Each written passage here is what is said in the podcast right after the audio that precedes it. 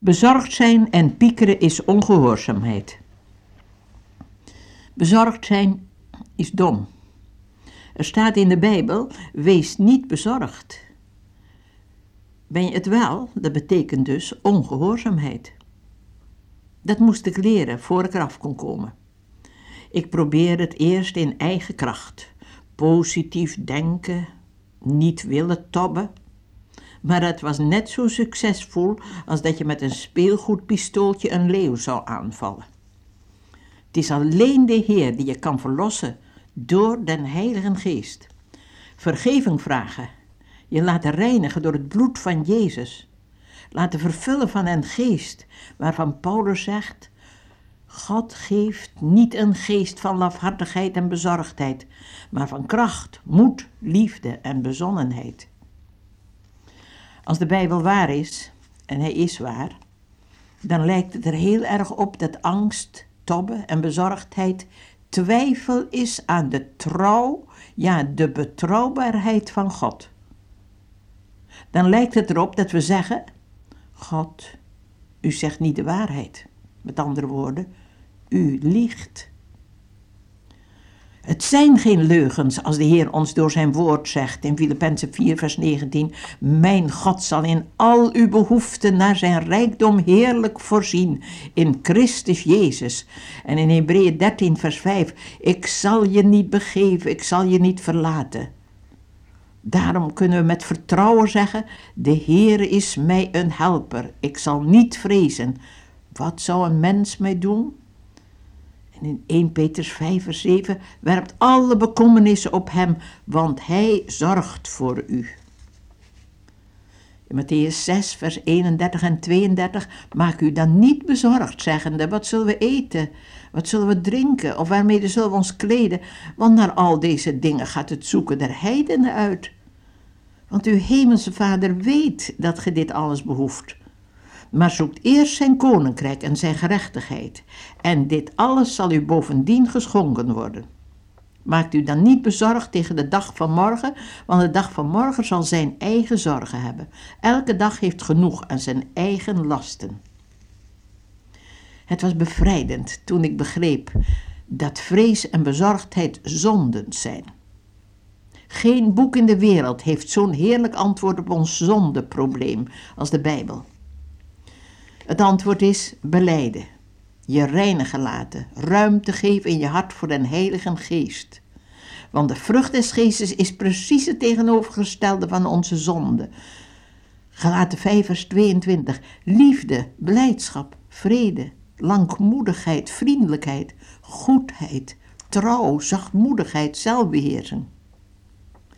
De Heer Jezus geeft zo'n duidelijke vergelijking in Johannes 15. Wij de ranken, Jezus de wijnstok. Met hem verbonden blijven, dat is het geheim. Hij doet de arbeid van vrucht dragen. Jezus, die onze zonde droeg aan het kruis. Jezus, die leeft en bij ons is. Jezus, die overwinnaar is en ons meer dan overwinnaars maakt. Ik zwak, de duivel sterk, maar Jezus veel sterker dan de duivel. Dus Jezus en ik samen, veel sterker dan de duivel. Veel sterker ook dan de demon van bezorgdheid. Ik had een last die me bezwaarde. Ik zette die neer en bekeek hem. Toen zag ik dat alles geleend was. Een deel behoorde aan de volgende dag, een deel aan de volgende week. Het was een grote, domme fout. Bezorgdheid is het dragen van de last van morgen met de kracht van vandaag. Het dragen van twee dagen tegelijk. Het is je voorbarig begeven in de dag van morgen. Er is maar één dag op de kalender van actie en dat is vandaag. Plannen maken behoort een ruime tijd te omvatten. Voor verstandig plannen maken is dat nodig. Maar het uitvoeren daarvan behoort maar aan één dag. Vandaag. Wij raken in spanning over de toekomst, onze financiële problemen en onze gezondheid. En waartoe leidt dat? Tot niets. Tot niets dat de moeite waard is, omdat spanningen de dingen kapot maken. Je gebruikt de energie op die je nodig hebt om vandaag te leven. De Heilige Geest geeft je geen duidelijke blauwdruk van de rest van je leven, maar leidt je van ogenblik tot ogenblik. Leef voor vandaag. Over de zorgen die morgen komen, schijnt morgen de zon. Ik las ergens, waarom zoeken we niet iets dat gemakkelijker is dan bezorgdheid? Bezorgde mensen zijn als koorddansers die over een touw proberen te lopen van het verleden naar de toekomst, balanceren tussen hoop en vrees. In de ene hand houden ze een zak met het verwarde verleden, in de andere een zak met de gevreesde toekomst. Bezorgdheid neemt niet het verdriet van morgen weg. Wat ze wegneemt is de kracht van vandaag.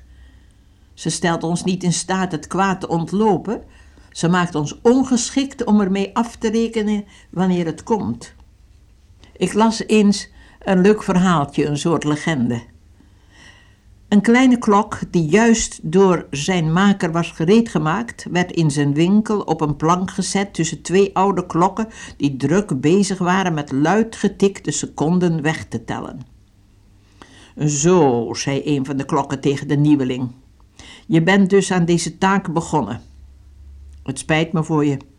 Je bent nu zo dapper aan het tikken, maar je zult wel erg moe zijn voor je 33 miljoen tikken hebt gegeven. 33 miljoen tikken, zei de verschrikte klok. Wel, dat zou nooit kunnen. En onmiddellijk stond hij een wanhoop stil. Kom, domoor, zei de andere klok toen. Waarom luister je naar zulk gepraat? Zo gaat het helemaal niet. Je moet op het ogenblik maar één tik geven. Zo. Is dat niet makkelijk? Nu weer één. Dat is even makkelijk. En zo maar door. Oh, als dat alles is, riep de nieuwe klok, dan is het gemakkelijk genoeg. Daar ga ik dan. En hij begon weer dapper en gaf elk moment één tik, zonder op de maanden en de miljoenen te letten.